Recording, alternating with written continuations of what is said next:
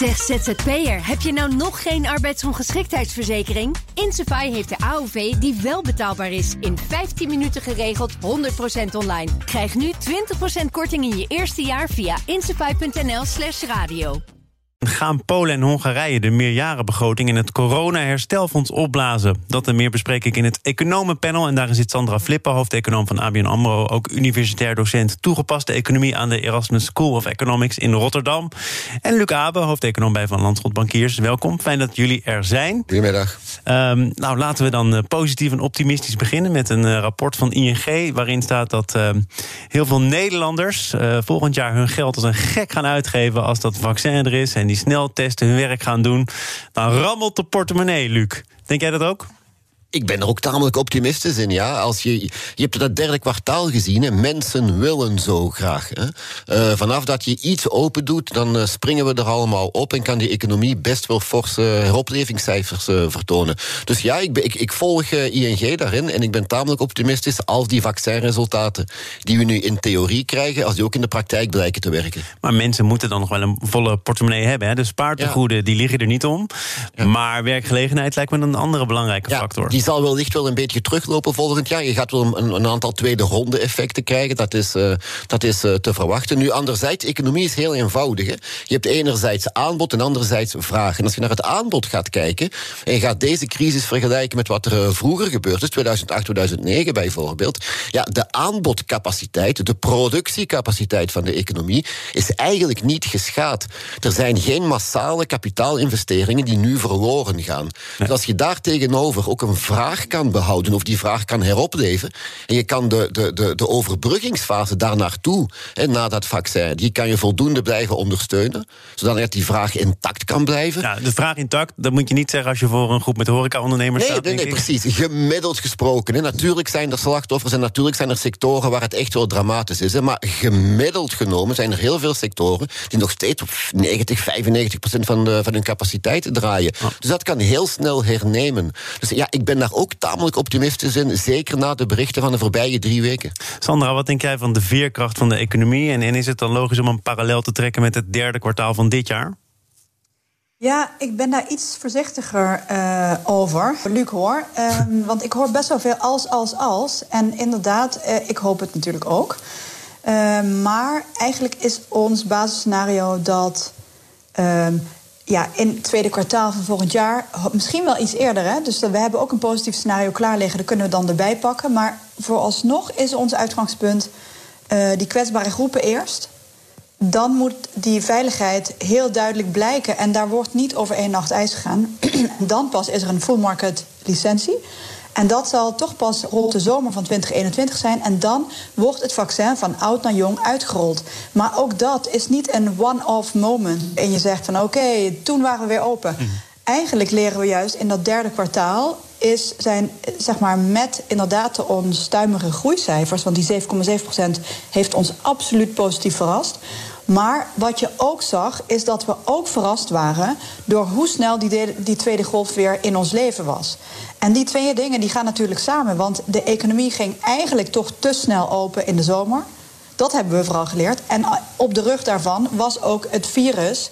Uh, als vroegst, zeg maar het vroegst weer in Nederland. Toen waren de andere eurozone-landen, die zijn daar echt weken achteraan voordat die tweede golf uh, in die mate bij hun was, dat ze naar een partiële lockdown toe moesten. Ja, nee, dat dus, klopt. Um, ja, ik denk dat.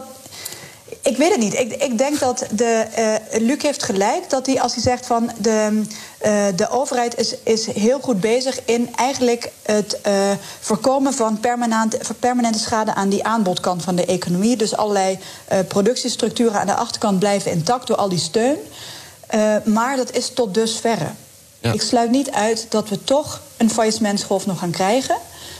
Um, want ja, zoals de werkloosheid tot nu toe zeg maar, heel beperkt oploopt, is echt frappant te noemen. Nee, maar het klopt wel. We, gaan, we gaan op 2 januari gaan we niet met z'n allen elkaar knuffelen. En we gaan ook niet in februari, of liefst toch niet op, uh, op skivakantie gaan. Dus er moet nog een bepaalde periode overheen gaan. Dat klopt, uh, dat klopt volledig. Hè. Vandaar ook die, die overbruggingsfase, die steunmaatregelen die er in verschillende landen zijn. Ja, de grootste fout zou zijn om die nu te snel, uh, te snel terug te draaien. Hè. Te snel open gaan en te snel veel sociale contacten is fout. Maar vanuit beleid is dat wellicht, wellicht even fout. Dus ik mik ook niet op het eerste kwartaal van het volgend jaar, maar wel op het, uh, ja, pak een beetje het derde kwartaal van volgend jaar. En, en, volgend jaar rond deze tijd, dat we uh, dat misschien corona een, eh, een verre ving is. Maar Sandra, jij schreef ja. anderhalve week geleden in het FD een stuk over de laatste loodjes van de pandemie. Dus dat geeft ook wel aan dat jij, net als veel anderen, al zicht hebt op de finish. Maar je zei daar wel bij, ja, de vraag is nu, zijn we nog gedisciplineerd genoeg om ook te Juist. respecteren dat het dan nog een paar maanden moeilijk wordt? En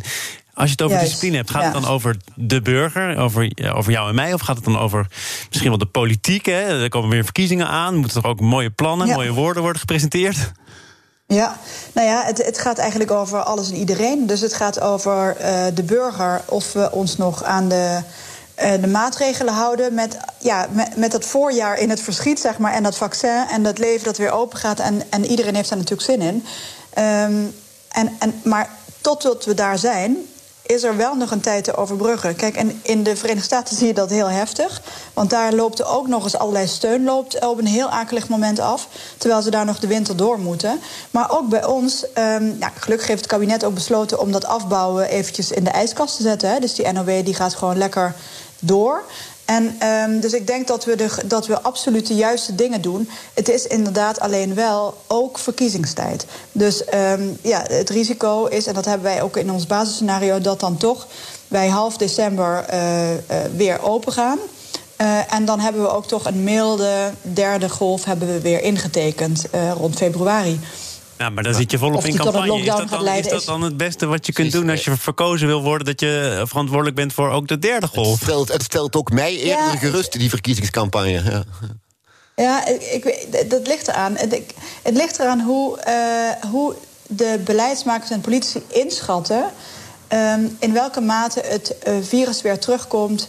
Uh, op het moment dat je open... Kijk, want opengaan is kan ook op verschillende manieren. Je kunt uh, uh, onstuimig opengaan, zoals we van de zomer hebben gezien. Ja, dan krijg je de groei, word je populair. Maar waarschijnlijk twee maanden later uh, liggen je in de peilingen helemaal onderaan. Omdat je de derde golf hebt veroorzaakt. Maar um, je mag hopen dat dat het kabinet nu heel goed nadenkt over hoe ze op een slimmere manier open gaat. En dat zou kunnen betekenen dat er wel een, derde, een mildere derde golf komt in het voorjaar. Maar waar dan geen, zeg maar misschien weer een nog lichtere lockdown voor nodig is als we nu hebben. En ook nu zien we al dat de economische schade waarschijnlijk een heel stuk minder gaat zijn dan de, tijdens de eerste golf.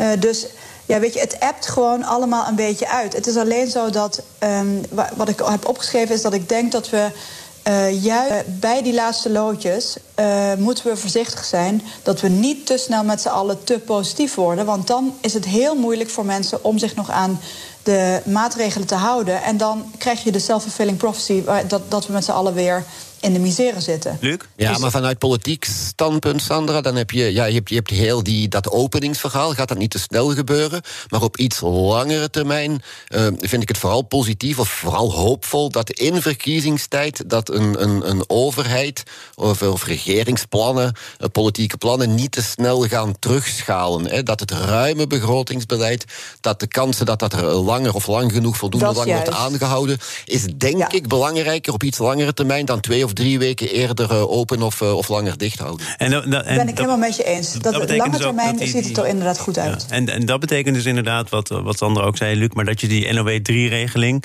niet gaat versoberen, maar dat je zegt dat, dat daar blijven we ruimhartig in. Ja, en, en ik ja. denk dat het risico. Nee, het, het is beter om iets te ruimhartig te zijn en daardoor ja, misschien niet volledig efficiënt op elke euro die je uitgeeft dan, uh, dan andersom. Ja, want dan komen we terug op, op uh, faillissementen. Ik geloof dat dat afgelopen vrijdag in de Telegraaf stond. Onderzoek van PwC en de Universiteit Leiden. Uh, met als conclusie dat bijzonder beheer zich opmaakt voor een golf van faillissementen. En een van de onderzoekers zei toen uh, dat het een potentieel risico is dat de ondernemers zich in slaap laten sussen. en daardoor ook sneller in de problemen komen. Je ziet dat er meer schuld wordt opgebouwd door uitstel van belastingen, opgeschorte aflossingen, nieuw aangetrokken financiering. Ehm, maar Sandra, dat is dus in verhouding een, een relatief klein probleem? Uh, dat, dat zou ik niet zo zeggen dat het een klein probleem is. Het is alleen, ja, het is zo ontzettend onzeker of het zich gaat voordoen. Um, ik weet dat, bedoel, het is gedegen onderzoek hoor, wat, uh, wat de Universiteit Leiden daar heeft gedaan. En, um, maar de UVA heeft uh, onlangs ook onderzoek gedaan naar Um, de vraag in welke mate uh, houdt, het Nederlands, houdt de Nederlandse steunmaatregelen houden die zombiebedrijven uh, in leven, zeg maar. En, en dus als zodra die worden afgebouwd, die steun, dan uh, gaan die bedrijven over, over de kop. En daaruit kwam juist dat Nederland uh, eigenlijk relatief weinig zombiebedrijven heeft. In vergelijking bijvoorbeeld met België is dat echt een heel ander verhaal. Moet België er nou um, weer bij betrokken worden, hè, Luc? Mo moest dat nou staan? Nou, sorry, Luc. Ja, dat had ik niet gerealiseerd. Dat was niet persoonlijk. maar um, uh, uh, ja, dus, dus dat was gewoon de uitkomst uit het onderzoek. En Um, kijk, of die, of die faillissementsgolf zich gaat manifesteren, uh, het is echt. Te... Wat we in ieder geval zien, is dat het beleid ook niet alleen in woorden, zoals het kabinet heeft gezegd, maar ook in de praktijk, blijkt gewoon heel goed mee te ademen met de conjunctuur. Dus uh, een zorg zou natuurlijk zijn als uh, toen de tweede golf, zeg maar. Uh, ontstond en we, en we, daar, we daarnaar keken en we zeg maar, naar het oog van de storm bewogen, dat toen het afbouwpakket nog in stand was. Ja. Dat vond ik zelf een hele zorgelijke ontwikkeling. Ik dacht, gaat nou het kabinet door op de uh, trein van... we gaan die steun nu afbouwen... Um, of gaan ze toch weer meeademen? En nou blijkt dus dat ze toch meeademen. Dus ik ben daar eigenlijk heel positief ja, over. Ik denk trouwens, die zombie-ondernemingen... dat uiteindelijk het, het, monetaire beleid... de rente die al jarenlang is en jarenlang nog blijft... dat dat uh, meer een factor is voor die zombie-ondernemingen... dan de, de, de overheidssteunmaatregelen die je nu hebt. Je hebt de voorbije maanden mm. gezien dat er relatief weinig faillissementen waren. Op een periode van twee jaar ja, ga je misschien... Als, je, als er honderd ondernemingen failliet gaan op twee jaar... ga je die nu het laatste jaar krijgen. En dan ja. ga je denken van oeh, een faillissementsgolf. Maar je hebt er ook een aantal maanden geen gehad natuurlijk. Heb je het niet, vond, vond jij het, Luc, dan niet raar... als je keek naar de laatste werkgelegenheidscijfers... de laatste faillissementcijfers, dat je dacht... hè? Ik heb wel eens gedacht, we zitten toch in een economische crisis. Ja, nee. Is het niet heel raar dat dat nu historisch laag is? Ja, nee, dat wordt, dat wordt, nu kunstmatig laag gehouden. Dat klopt. Maar als je het iets, op, op iets langer gaat bekijken, denk ik, neem twee jaar, eind naar eind volgend jaar toe. Zullen er wel een aantal zijn, of meer zijn, die, die uiteindelijk failliet gegaan zijn. Maar ik denk dat voor die zombie-ondernemingen, nogmaals, het, het centrale bankenbeleid een relevanter ja. factor is dan die steun nu op dit, uh, op dit moment. Ja. ja. Maar even over die werkloosheid nog, hè? Want. Um, ik denk dat er, wat er ook wel een beetje is, is dat omdat de ontwikkelingen zo snel gaan sinds maart. Hè, dus we hebben echt ongekende fluctuaties in het BBP, in, in allerlei uh, economische indicatoren. Het is echt een beetje een pas-boom-conjunctuur waar we in zitten. En, um, en, en dat maakt ook dat je verwacht dat alles snel gebeurt. Maar eigenlijk is het altijd zo dat in een uh, crisissituatie dat de werkloosheid eigenlijk pas ja, zo, zeg, grofweg zo'n zes maanden later um, zich manifesteert uh, als, dat de laag, uh, als dat de dip plaatsvindt. Ja. Dus uh, dat het later is, is niet verrassend. Uh, het is wel zo dat de uh, overheidssteun zo ongekend ruimhartig is, ja, dat, dat, dat die werkloosheid eigenlijk gewoon heel erg naar achteren wordt geduwd in de tijd. En wat de hoop is, is dat ze het zo ver naar achter kunnen duwen dat eigenlijk de, de, het herstel van de economie rond het vaccin, dat die de, een deel van de werkers gewoon ja, in de tweede helft van 2021 echt nog veel verder was opgelopen. Dat dat niet nodig blijkt, omdat het herstel eigenlijk die banen alweer uh, ja. creëert. Dat is de hoop. We gaan uh, naar iets waar ook uh, veel van werd verwacht, namelijk Europa. Zaken doen. Het economenpanel is aan het woord. Sandra Flip en Luc Abe. En het gaat over Europa. Dan gaat het in dit specifieke geval over Polen, Hongarije en Slovenië. Want die botsen met de rest van de EU over de Europese meerjarenbegroting van 1 miljard en 74 miljoen euro. Die landen willen niet dat de EU-subsidies gekoppeld worden aan het naleven van de rechtsstaat. Uh, daar is van alles al over gezegd, ook door premier Rutte. Het was ook voorbereid door de voorzitter Charles Michel. Uh, die had ons ook laten weten van, joh, laten we nou in zo'n videooverleg het vaststellen bij uh, de vaststelling dat er een probleem is. door het Duits voorzitterschap en de drie landen het woord gegeven. En daar is ook verder door de anderen niet of nauwelijks op gereageerd. Er wordt vandaag over gesproken, er is al over gesproken. Premier Rutte zei het al in een videoverbinding. Uh, jij hebt daar weten te achterhalen dat dat 17 minuten duurde. Dat stond gewoon in de media. Heel goed. Oh, jij leest de media nog. Ja, af en toe, ja, ja. bij de kapper. ja, ja, ja. En dat is hoopgevend zo'n kortstondig overleg, dat dan de, de ergste plooien al zijn uh, gladgestreken? Ja, ik, mijn interpretatie daarvan is dat die drie landen, met name Hongarije en Polen, een, eh, een grote mond hebben opgezet vorige week op diplomatiek niveau. Dus niet op politiek niveau, diplomatiek niveau. Voor binnenlands, uh, voor binnenlands politiek. Met de ambassadeurs. Met de ambassadeurs, ja. En uiteindelijk dat ze daar wel, uit, dat ze daar wel uitkomen. Ja, ze hebben er 17 minuten over gepraat. Mocht het echt zo'n fundamenteel probleem zijn dat hoog oplopend was, hadden ze echt wel langer dan 17 minuten zelfs via een videocall uh, daarover daarover gehad. Ja, dus eh, Sandra, het is, het is, mm. voor eigen gebruik, denk ik dan, te lezen en te horen uit de woorden van Luc. Nou, ik, ik, ik denk dat, dat hier een, toch een flink steekspel gaande is, eerlijk gezegd. Um, want, want uh, wat er volgens mij gebeurde, was dat, dat vorige week maandag hebben die EU-ambassadeurs hebben, uh, met meerderheid besloten om de financiële uitkeringen zeg maar, te koppelen aan, uh, aan de afspraken over de rechtsstaat, de handhaving van de rechtsstaat. Um, daar konden Hongarije en Polen niet zoveel uh, tegen doen, want dat was met meerderheid van stemmen. Uh, maar wat ze wel konden doen, en dat hebben ze ook gedaan, is zeg maar de, wat je noemt de, Own uh, Resource Decision. dat ze die hebben geblokkeerd. dat is namelijk een afspraak waarin het maximum bepaald wordt dat de lidstaten ehm, aan de Europese begroting moeten bijdragen. En eigenlijk is die afspraak onderpand voor uh, het herstelfonds geweest. Want met dat onderpand uh, is, uh, konden de 750 miljard... die zouden op de kapitaalmarkt worden opgehaald... Ja. met die regeling. En zo hebben dus eigenlijk de Polen en Hongarije... hebben ze de rest van Europa klem gezet. Alleen, ja, de, het het frappante hieraan is dat, dat het echt een, bijna een klassiek prisoners dilemma is. Want um, uh, zij zitten in die onderhandeling. Uh, als ze een compromis sluiten, uh, wat ze allebei niet willen, uh, dan zouden ze eigenlijk allebei beter af zijn. Maar ieder denkt, ieder weet niet wat die ander gaat doen als zij de eerste stap zetten in het compromis. En ik denk dat ehm, ja, dus, uiteindelijk zal het heus inderdaad, zullen ze eruit komen. Um, en en de, het Europees Herstelfonds zal heus doorgang vinden. Alleen het probleem is dat uh, als dat verder vertraagd wordt, en het is al allemaal vrij laat, want het duurt allemaal heel erg lang voordat die investeringen daadwerkelijk dat er een schop de grond in gaat, zeg maar, en er werkgelegenheid wordt gecreëerd. Uh, als dat nog verder naar achter gaat, dan kan dat fnuikend zijn voor, de, uh, voor, voor, het herst, voor het extra herstel dat dat fonds teweeg zou brengen in 2021. Ja, en juist die zuidelijke lidstaten die hebben dat geld nodig. Ja, maar anderzijds, bedoel, de kans dat er in 2021 al significante projecten en bedragen zouden opgestart worden, ja, dat is tamelijk klein. Hè. De, de verschillende landen moeten hun plannen voor digitalisering, vergroening enzovoort, hè, de, ja. waar, waar het projecten rond draaien, die moeten die binnen doen. Ik dacht 1 april, uh, maart, april, denk ik. Dus dan moet ja. nog een heel administratieve mallenmolen in Brussel. Dan moeten uh, ja, alle vergunningen, schoppen aangekocht worden om in de grond te steken.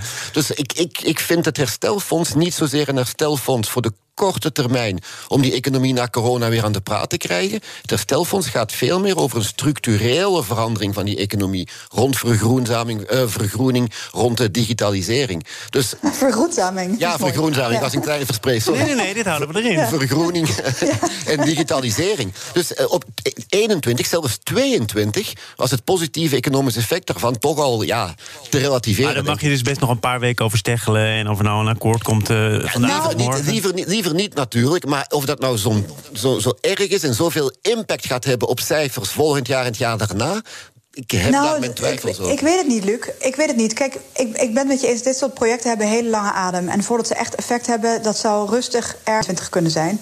En het merendeel zal het ook hebben. Maar een, een bepaald deel hadden wij wel rekening mee gehouden dat al in 2021 toch met een flink tempo erop zou worden ingevoerd. En dat heeft te maken met dat um, juist die zuidelijke uh, eurolanden... die hebben ongelooflijk uh, hard dat geld nodig.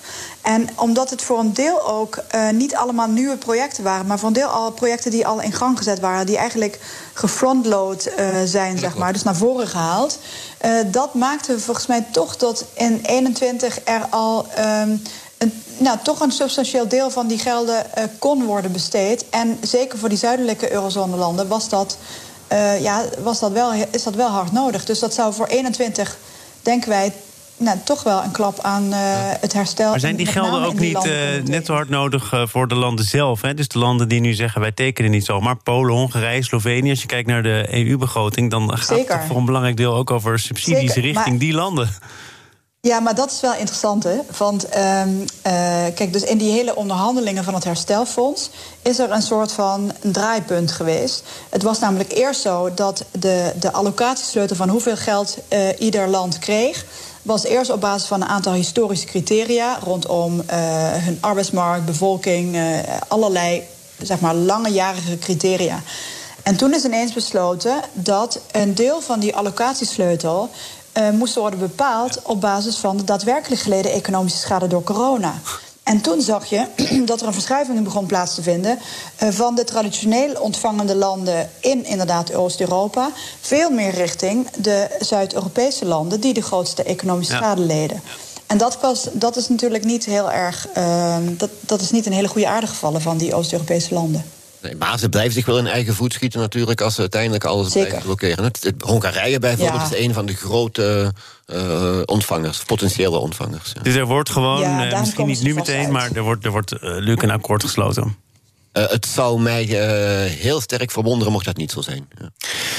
Goed, dan uh, laten we het erbij. Want uh, zij hebben het in 17 minuten gekund. Dan kunnen wij toch wel in uh, 8 of 9 minuten over Europa. En blijven we dit gewoon goed volgen. Sandra Flippen was lid van het Economenpanel vandaag. Hoofdeconoom van ABN AMRO. En universitair docent toegeconomie aan de Erasmus School of Economics in Rotterdam. En Luc Abe, hoofdeconoom bij Van Landgrond Bankiers. En als het even uitkomt, ook nog een trotse Vlaming, trotse Belg, toch?